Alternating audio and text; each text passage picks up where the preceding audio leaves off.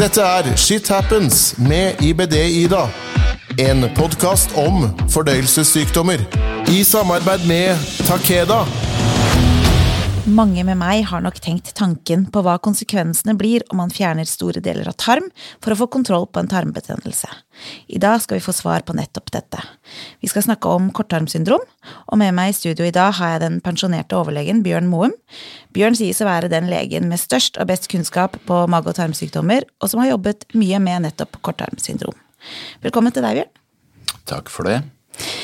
Aller først, fortell litt om deg selv. Eh, hvem er du? Hvorfor har du viet livet ditt til å jobbe med annet fordøyelsessystemet, for eksempel?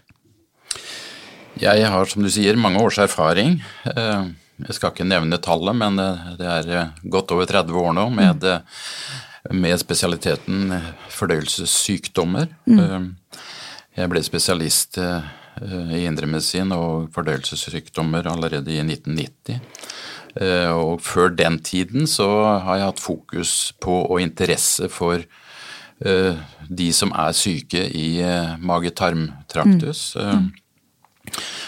Og i spesialitetsutdanningen så skal man jo lære seg noe om både det ene og det andre. Det kan dreie seg om tarmsykdommer, leversykdommer, fordøyelsen generelt.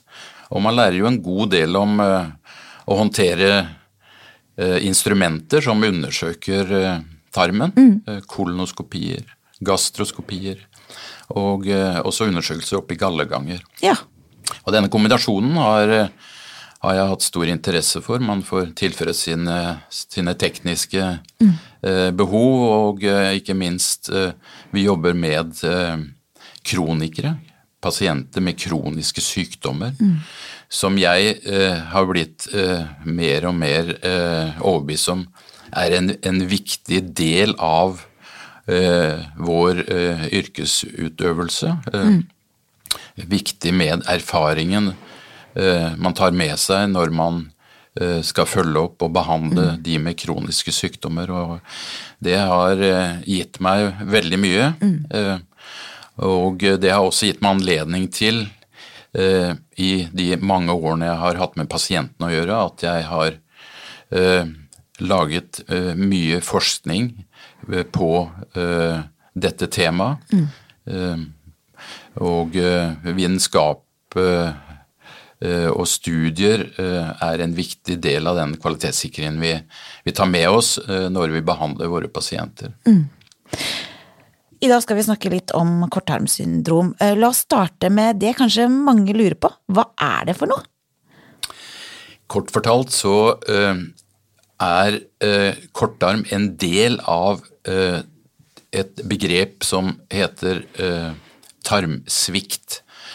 Som betyr at den som ikke kan ta til seg nok næring, må ha hjelp for å få denne næringen på mm. den ene eller andre måten. Og Derfor så er et mer riktig begrep eh, tarmsvikt. Og eh, det inkluderer da bl.a. de som har mistet en del av tarmen sin eh, pga. en eller annen tilstand. Mm. Som kan være både fordi de har operert, men også fordi de har mistet en del av funksjonen av tarmen. Det, det, vil si tarmen er syk på en eller annen mm. måte og vil ikke ta opp nok næring på den måten. Mm. Hva er årsaken da til korttarmsyndrom? Altså, eh, tenker sånn, eh, Du nevnte jo litt om det nå, men eh, kan du fortelle litt mer om hva som kan være årsaken til dette her?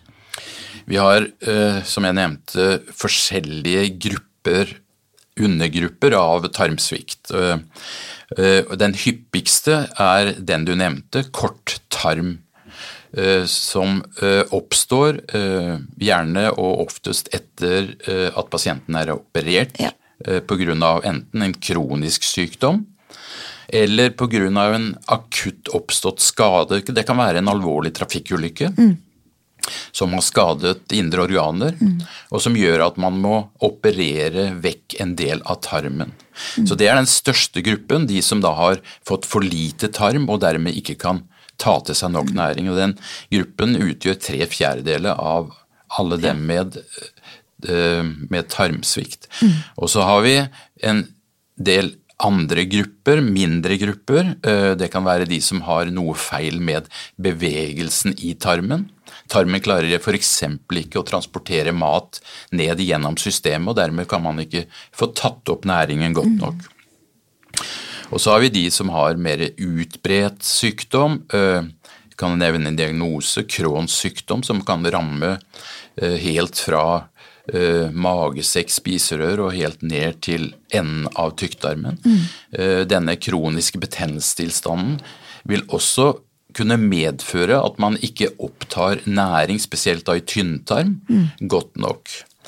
Og så kan man ha tilstander hvor tarmen rett og slett eh, ikke lar mat og tarminnhold passere, altså trange partier som kan medføre eh, diverse forstyrrelser i eh, ernæringsopptaket.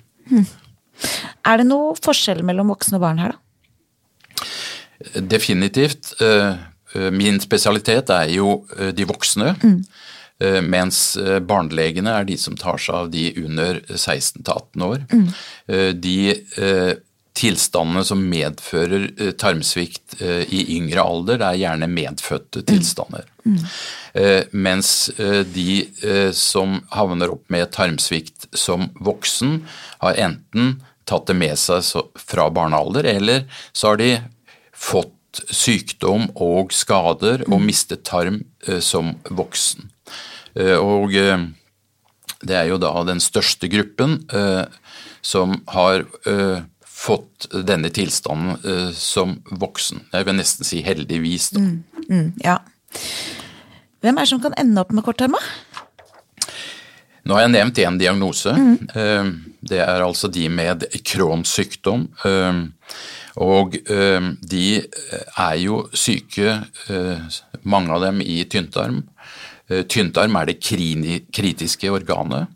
Det er der vi tar opp næring. Det er det vi er fullstendig avhengig av å ha mest mulig av. Mm. Og uh, de som da har uh, skader pga. sin kronsykdom, uh, og det er betennelsestilstanden som utvikler seg til skadet arraktig tarmavsnitt, de må opereres. Mm. Og fra gammelt av så hadde vi dårlig med medisiner for å holde denne betennelsen i sjakk, eh, slik at betennelsen vedvarte, skapte arr i større deler av tynntarm, og man måtte gjennom operasjon, og dette gjentok seg ofte. Så vi har pasienter som har vært operert både fem og ti ganger og fjernet for hver gang et parti av sin tynntarm, som medfører at de får så lite tarm igjen at eh, de ikke tar seg næring. Komplikasjoner, eh, f.eks. Eh, store eh, ulykker, skader i magen, f.eks. ved fall, mm. stikkskader, skuddskader og trafikkulykker, er en annen gruppe hvor man må inn i magen og fjerne deler av tarm som har blitt skadet. Ja det medfører i eh, faktisk en god del av tilfellene i ettertid også sammenvoksninger i magen. Store inngrep eh, skaper arvforandringer og sammenvoksninger, og eh, dette vil kanskje hos nærmere en tredjedel medføre at man må inn og gjøre nye operasjoner pga. at de tidligere har vært gjennom stor kirurgi. Og så har vi de som faktisk kan få opp i voksen alder åreforkalkninger også i magen. Det er ikke kun hjertet dette rammer, men åreforkalkninger i blodforsyningen til tarm medfører at denne blir dårligere.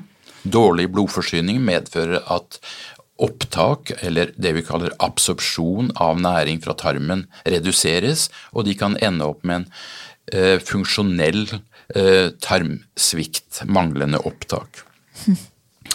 Eh, så kan jeg kanskje også nevne at det i noen få tilfeller, eh, men allikevel, eh, pasienter som har blitt eh, operert for fedme eller mm. overvekt, sykelig overvekt, de kan også være uheldige og få senkomplikasjoner.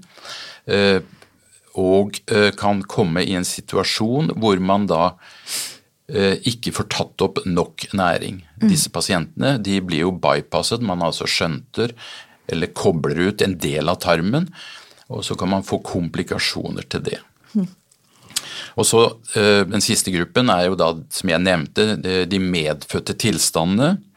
Uh, som er gjerne i tarmslimhinnen i tynntarm, som, uh, som er skadet eller blir skadet, og mm. rammer da den yngre del av, av populasjonen, dvs. Si mm. barn under 16. Ja. Mm. Hva er symptomene på dette her, da? Symptomer er for det første mange. Mm. Og det er gjerne noe som forverrer seg gradvis, øker på, om du vil. Det er helt klart at en pasient som blir operert og får fjernet en del av tynntarmen, vil nærmest i alle tilfeller etter kort tid etter operasjonen ende opp med at de får stor gjennomstrømning av væske i tarm. Mm. En del av disse pasientene har jo da utlagt tarm allerede, eller mm. får det ved operasjonen, mm. som medfører at det blir et stort væskeutløp fra denne stomien. Mm. Og eh, derfor så vil eh, store volum av det man tar til seg, dvs. Si enten drikker eller får intravenøst, vil havne i tarmen og gå videre ut i stomiposen. Mm. Hos de som har en intakt tarm, dvs. Si de blir operert, får fjernet en del av tarmen, men koblet denne sammen igjen. De vil da ende opp med å måtte gå på toaletten mange ganger med mye væske uh, hver gang. Mm. De blir dehydrerte. Uh, fordi det kan være vanskelig å ta til seg eller erstatte all den væsken man får. Og dessverre, jo mer man drikker, jo større volum man drikker hver gang, jo lettere passerer dette gjennom tarmen og ender opp som uh, diaré, nærmest mm. vanntynn avføring. Slik at uh, uh, dette diaréproblemet og store volum man leverer, det er det typiske for en med korttarm. Mm. Dernest så vil tilstanden gå utover ens allmenn uh, befinnende. Mm. Man blir slapp. Man kommer i mangel på diverse salter, det vi kaller elektrolytter, og næringsstoffer og vitaminer som igjen vil påvirke både evnen til å danne blod. Man kan bli blodfattig og slapp av den grunn, men man kan også bli slapp av å mangle næringsstoffer. Man kan til og med eh, komme i en situasjon hvor man begynner å få krampelignende fornemmelser i armer og bein pga. mangel på eh, både sporstoffer og mineraler. Mm. Det er jo, eh, Vi må også tenke på når man går mye på do, så blir man Noen må jo også slite mye med å være sår i, i rumpa. Det jo, må jo være en av de tinga som må være fryktelig slitsomt. Det, jeg vet jo det sjøl. Når man går mye på do, så er jo det en av de tinga som er meget plagsomt. Det er jo Det også, det tilbringe mye av sin tid eh, med eh, å gå på toaletten mm. er én ting. Mm. Eh, noe annet er at det blir ganske forutsigbart mm. hos mange. Mm. Det vil si, eh, fornemmelsen av å skulle på do eh, kan komme veldig raskt. Ja. Eh, spesielt eh, når man da har en forstyrrelse i tarmen. Mm. Vi bruker jo tykktarm som en form for reservoar eller mm. oppsamling, slik at vi selv kan bestemme når vi går på toaletten. Denne evnen har eh, mange mistet når man har korttarm, dels fordi de mangler tykktarm, men også fordi når man har en stomi, pose på magen, så vil jo væsken mm. komme fortløpende ut i denne stomien. Og eh, det å kunne gå raskt på toalettene er jo ikke alltid gitt at det er mulig. Nei. Og noen er faktisk så plaget at man må kikke på kartet før man tar en bytur, for mm. å finne ut av hvor de forskjellige toalettene befinner seg, mm. for å kunne, eh, kunne, få gjort sitt fornødne mm. der og da. Ganske eh, altoppslukende, da. Det der er jo noe som virkelig setter livet ditt eh, Eh, ja, litt på, på hold. Altså, du må jo virkelig planlegge livet ditt. Hvor mange rammes av dette her, da? Heldigvis eh, så er dette en sjelden tilstand, men det er et bredt spekter av uh, pasienter uh, som er mer eller mindre plaget mm. og rammet. Uh, som jeg nevnte, etter en operasjon, og gjerne en større mave-tarmoperasjon, så vil de fleste i en periode etterpå, og da forbigående, Eh, få et stort stort væsketap fra tarmen. Men vi er så likelig bygget opp at kroppen klarer å restituere seg, dvs. Si korrigere dette, eh, over noen måneder. Og mange vil derfor eh, få det gradvis bedre, få mer kontroll på eh, sine plager. Både fordi kroppen reparerer dette selv, men også fordi vi har medisiner som kan være med å hjelpe på mm. tilstanden. Og disse medisinene vil dels være med å, å bremse på hastigheten av væskepassasje i tarm, slik at uh, kroppen får bedre tid på seg til å ta opp næring. Mm. Mange, og de fleste, blir også anbefalt å bruke fiber som binder væske i tarm, og som dermed gjør at uh, avføring, tarminnholdet, blir mer fast. Mm. Det tar lengre tid å passere, og dermed kan man få bedre tid til å oppta næring Eh, næringsstoffer og eh, vitaminer. Mm. Slik at eh, både en naturlig tilpasning skjer i kroppen, og med medisiner så kan man bedre dette. Mm. Men når det gjelder tallet på de med kortarm, så, så har vi eh, hatt en eh, undersøkelse i Norge hvor vi har forsøkt å kartlegge dette, og vi har snakket med kollegaer eh, også i Skandinavia. Eh, Sverige har et veldig godt eh, eh, system for dette, bygget ut og undersøkelser, og Danmark likeså. Norge ligger nok litt bakpå når det gjelder dette her, men vi jobber med saken. en en gruppe av spesialister både uh, innenfor uh, barnesykdommer og voksensykdom, uh, som, mm. som, har kartlagt, og vi mener at av de som trenger regelmessig, og kanskje da én til flere ganger per uke med ernæringstilskudd, og da tenker jeg på intravenøs støtte på spesialavdeling og sykehus, mm. så har vi knapt 200. Ja. Dette er et veldig grovt anslag. Eh, men så har vi de som da kanskje trenger hjelp eh, til eh, å få næringsinntaket bedret, få bedring av mineraler og vitaminer noen ganger i måneden. Og da snakker vi om et mye større antall. Mm, mm. Disse går jo gjerne på da sykehusavdelinger og får den hjelpen de trenger. Mm jeg kjenner at jeg blir litt nysgjerrig nå, fordi nå har vi snakka litt om dette her. Eh, hvordan har pasienter med kortarm det? Kan ikke du prøve å beskrive en typisk eh, kortarmpasient som du har møtt? Disse pasientene jeg har tatt meg av, er gjerne pasienter uh, som har vært operert i magen. Mm. Og de fleste av dem har uh, diagnosen Crohns sykdom. Slik at de har jo hatt de typiske Crohns Eh, symptomene og sykdomsutviklingen eh, tidlig i livet. Ja. Eh, så har de blitt operert én gang, og de har gjentatte operasjoner etter seg og ender opp med en kort tarmsituasjon, og de har gjerne stomi også. Mm.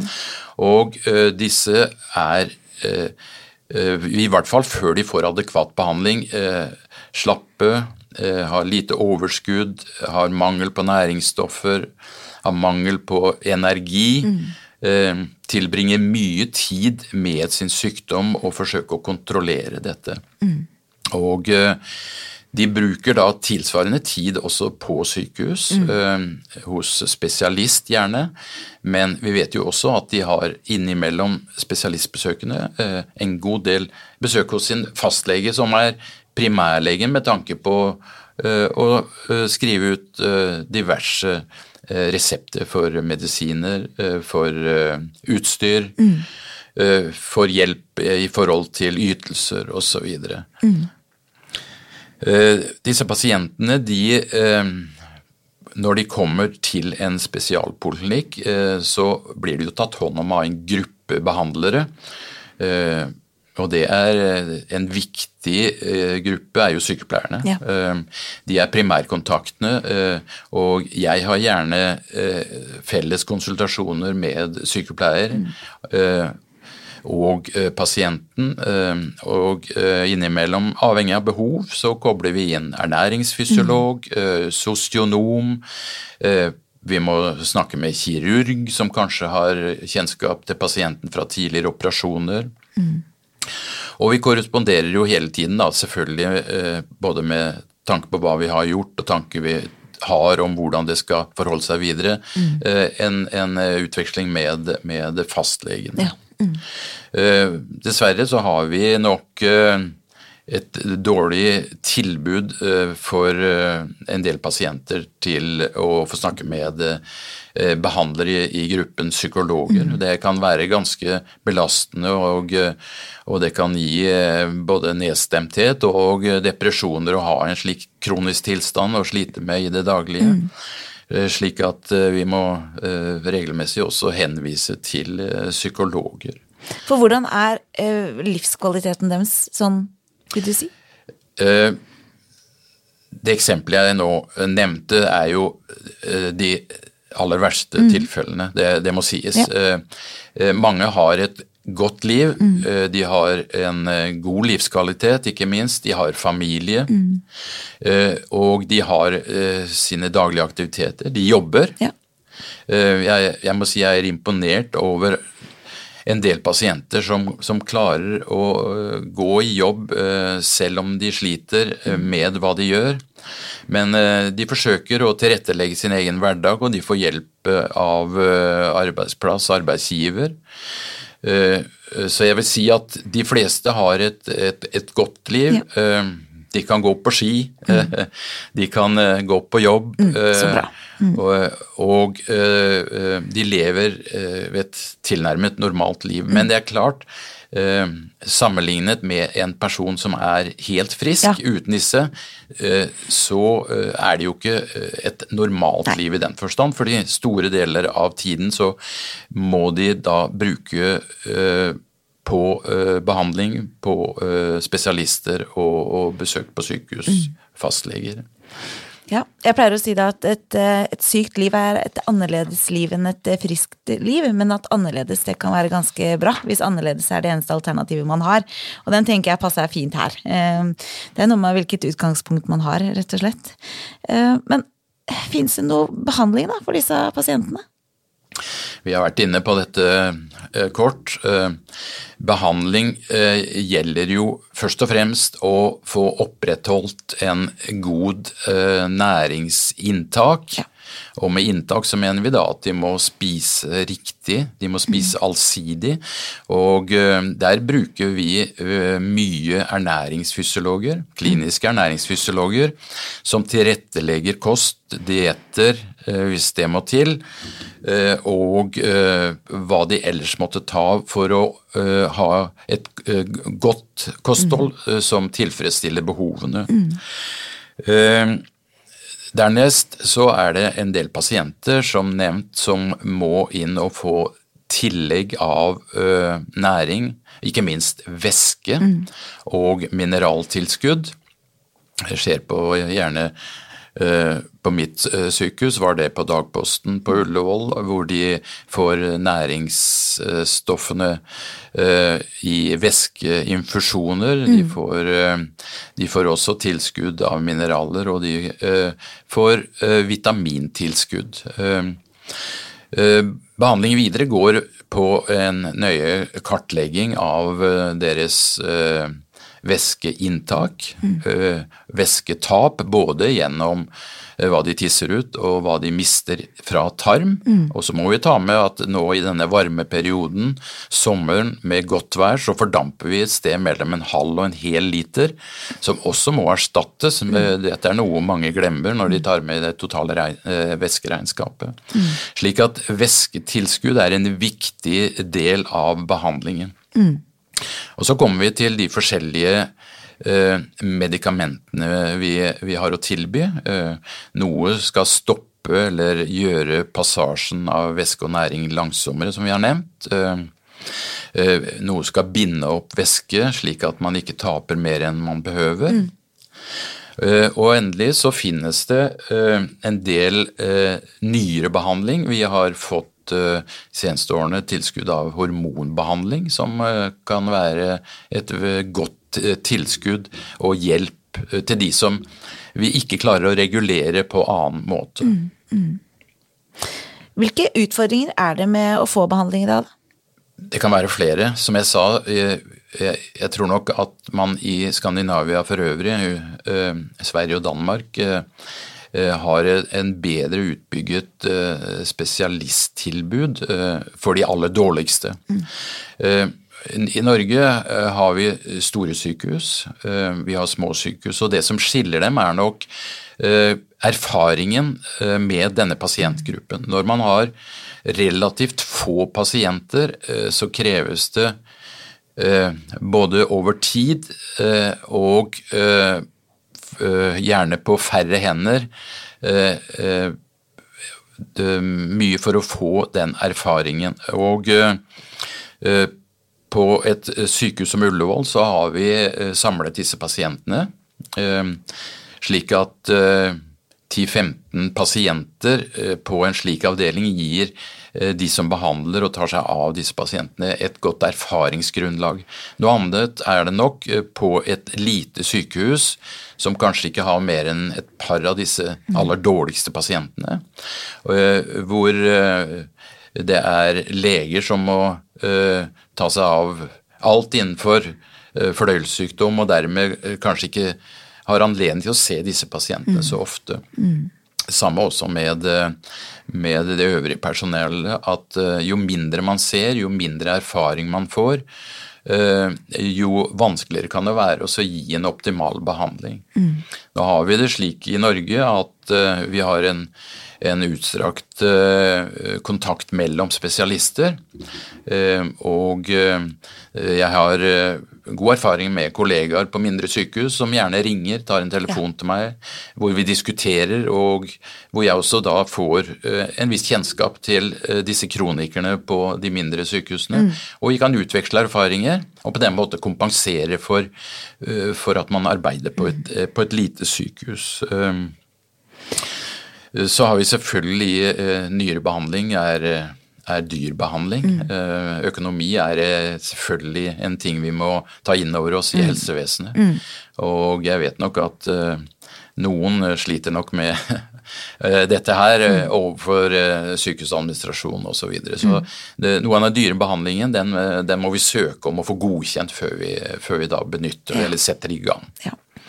Men, men, eh, erfaringen er en del av utfordringen her, eh, fordi eh, det er, det er de store sykehusene som ser de fleste tilfellene, selvfølgelig. Og, og dermed har vi i Norge diskutert om, om, kanskje denne alvorligste tilstanden, denne alvorligste lille pasientgruppen, burde gå på et større sykehus eh, hvor man har eh, da mulighet for et større miljø og mm. ikke minst få mer erfaring. Men uh, igjen, avstand, reiseavstand, er jo også et uh, problem i, i, i Norge. Uh, sånn at jo, vi har utfordringer, ja. og vi jobber med saken. Vi er fullstendig klar over det også. Ja. og det gjelder faktisk internt på sykehusene også, så kan man nok forbedre driften eh, ved å eh, sentralisere disse pasientene til eh, færre hender mm. spesielt. Mm. Mm. Men hvordan er det med kunnskapen eh, om korttarm blant eh, altså, eh, leger og helsepersonell utafor sykehus, da? Vi har jo ikke kartlagt kunnskapen ute, men jeg vet at fastleger som har disse pasientgruppene, har, eh, og disse pasientene, fordi det er jo kanskje ikke mer enn én pasient i en Nei. Eh, gruppe av, av, pasienter hos en mm. fastlege. Men de har gjerne oppdatert seg. Så fastleger er en viktig del av denne behandlingskjeden. Jeg vil også si at de er navet i dette hjulet som mm. skal ta hånd om pasientene det er de som, uh, som, som, kanskje skriver ut en del av reseptene, mm. det er de som har kontakt til uh, Nav eh, og forsøker å hjelpe pasienten med diverse. Det er de som henviser kanskje til eh, både spesialist eh, utenom vanlige kontroller når det er behov for det. Så, så, fastlegen er en viktig del av behandlingen her. Og eh, de som tar hånd om dem, de får eh, god erfaring om enkeltpasienter. Mm. Og så tar de kontakt med oss, eh, spesialister, når det er behov for det. Som gjør at eh, et, jeg oppfatter i hvert fall at situasjonen hos eh, enkelt av fastlegene som har pasientene, er god. Mm. Men det er klart, det er veldig sjeldent, og derfor så kan nok problemet oppstå eh, hvor pasienten ikke føler de har eh, god nok forståelse mm. eh, hos fastleger eller erfaring. Eh, eh men da er jo vi spesialister klart til å ta oss av pasientene, mm. og vi tar gjerne en prioritert mm. uh, vurdering av disse pasientene. De, dette, disse pasientene vi får henvisning, de står ikke på venteliste. De tar vi inn i løpet av kort tid mm. når vi får et forespørsel. Mm. Og bare sånn for å ha det helt klart. Eh, hvem bør følge opp uh, og være, være, involvert i oppfølgingen av disse pasientene? Det er et godt spørsmål. og det er kanskje en del av utfordringen mm. vår. Men som jeg har nevnt, eh, dette er ikke en enmannsjobb. Det er ikke en enkelt spesialist som ordner alt med disse pasientene og denne pasientgruppen. Dette er teamwork. Eh, jeg har nevnt eh, spesialister. Spesialister er da både kirurger, og det er spesialister i fordøyelsessykdommer. Mm. Eh, det er selvfølgelig eh, hos de yngste spesialister innenfor barnesykdommer. Mm. Eh, og det er gjerne da noen spesielle som har dyktiggjort seg på dette her. Så snakker vi om spesialsykepleiere, vil jeg kalle det. Det er de som har fått god erfaring, mye erfaring med å ta seg av disse pasientene. Det er de som jo står i første rekke når det gjelder å gi dem Eh, diverse behandlinger eh, som intravenøs væske, mm. ernæring osv. Men så har vi faktisk hjemmesykepleien, må vi ikke glemme. Eh, viktig, det er mange av disse pasientene som får hjemmeernæring, vi kaller det hjemmeparenteral ernæring. Mm. Og da kommer uh, gjerne disse ernæringsposene direkte fra apotek som har tilberedt dem. Eh, til, hjem til pasienten, hvor det er hjemmesykepleien som tar seg av alt det praktiske arbeidet med å koble opp disse posene, koble til pumper som skal dosere riktig mengde over riktig tid. Sørge for at alt er sterilt, og, eh, så dette eh, med hjemmesykepleie er et, eh, et, nært samarbeid vil jeg si, med pasienten. Mm. Mange pasienter er jo kjempeflinke til dette selv. Mm. Og noen tar hånd om det selv også, og har lært seg dette mm. veldig godt. Så har man dette at ernæringen den kommer jo gjerne én eller to ganger i løpet av en uke. og Den skal oppbevares riktig, den skal oppbevares eh, kjølig. Eh, pasientene har gjerne egne kjøleskap hjemme som, som de oppbevarer ernæring i. Mm. Eh, så teamarbeidet med både hjemmesykepleie og spesialsykepleiere på, på, på sykehus. Så har vi, som tidligere nevnt, ernæringsfysiologene. Viktig del, veldig viktig del av det å kartlegge og vite hva pasientene trenger.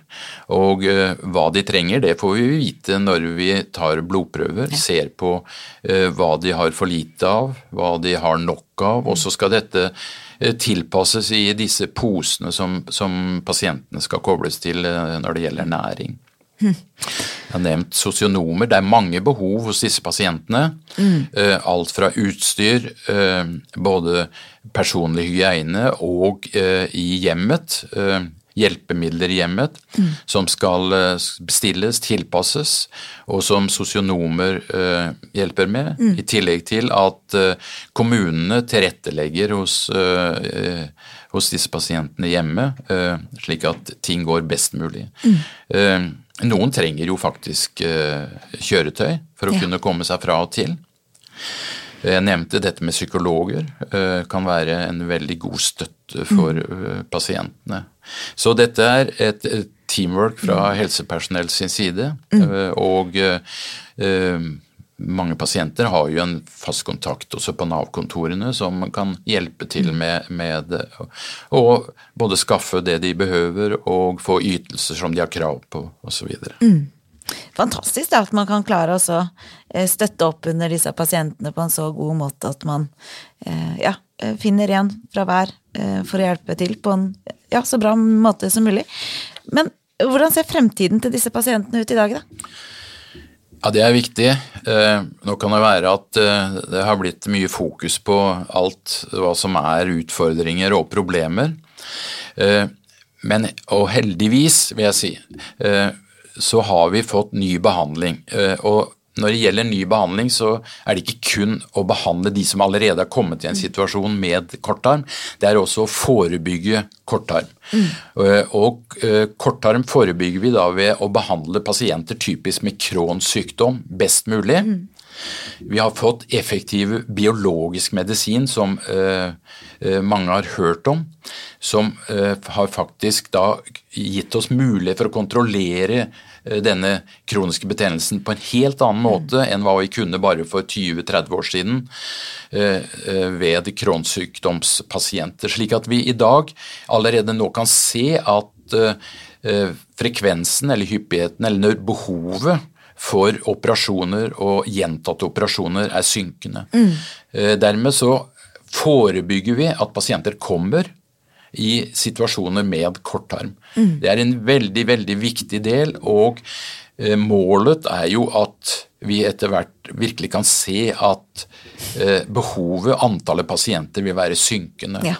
Eh, De fleste av mine pasienter med kortarm er noen som har kommet i den situasjonen før vi fikk tilgang til Ja. biologiske medisiner. Mm. Slik at jeg ser sånn sett lyst på fremtiden ved at vi kan forebygge oss, som i all annen sykdom. Eh, Det er jo forebyggelse som, som, som er målet. Eh, Ikke forebyggelse av selve sykdommen, men forebyggelse av komplikasjonene, slik at pasientene har det best mulig. Eh, Så har vi, og vi er mer ved å få fokus på pasientgruppen. Det vil si at eh, behandlerne er fullstendig klar over at dette må vi bli bedre på. Vi må lære mer om det. Og det vil også gjøre at vi optimaliserer kanskje de små tingene, men som i neste omgang betyr mye eh, for å forebygge. Og, og endelig, som jeg nevnte, vi har en del medisiner og har hatt det gjennom eh, mange år. Men vi har også fått eh, nye eh, medisiner, eh, hormonbehandling, som er med på å stimulere eh, den tarmen, de tarmtottene som er igjen i tynntarmen.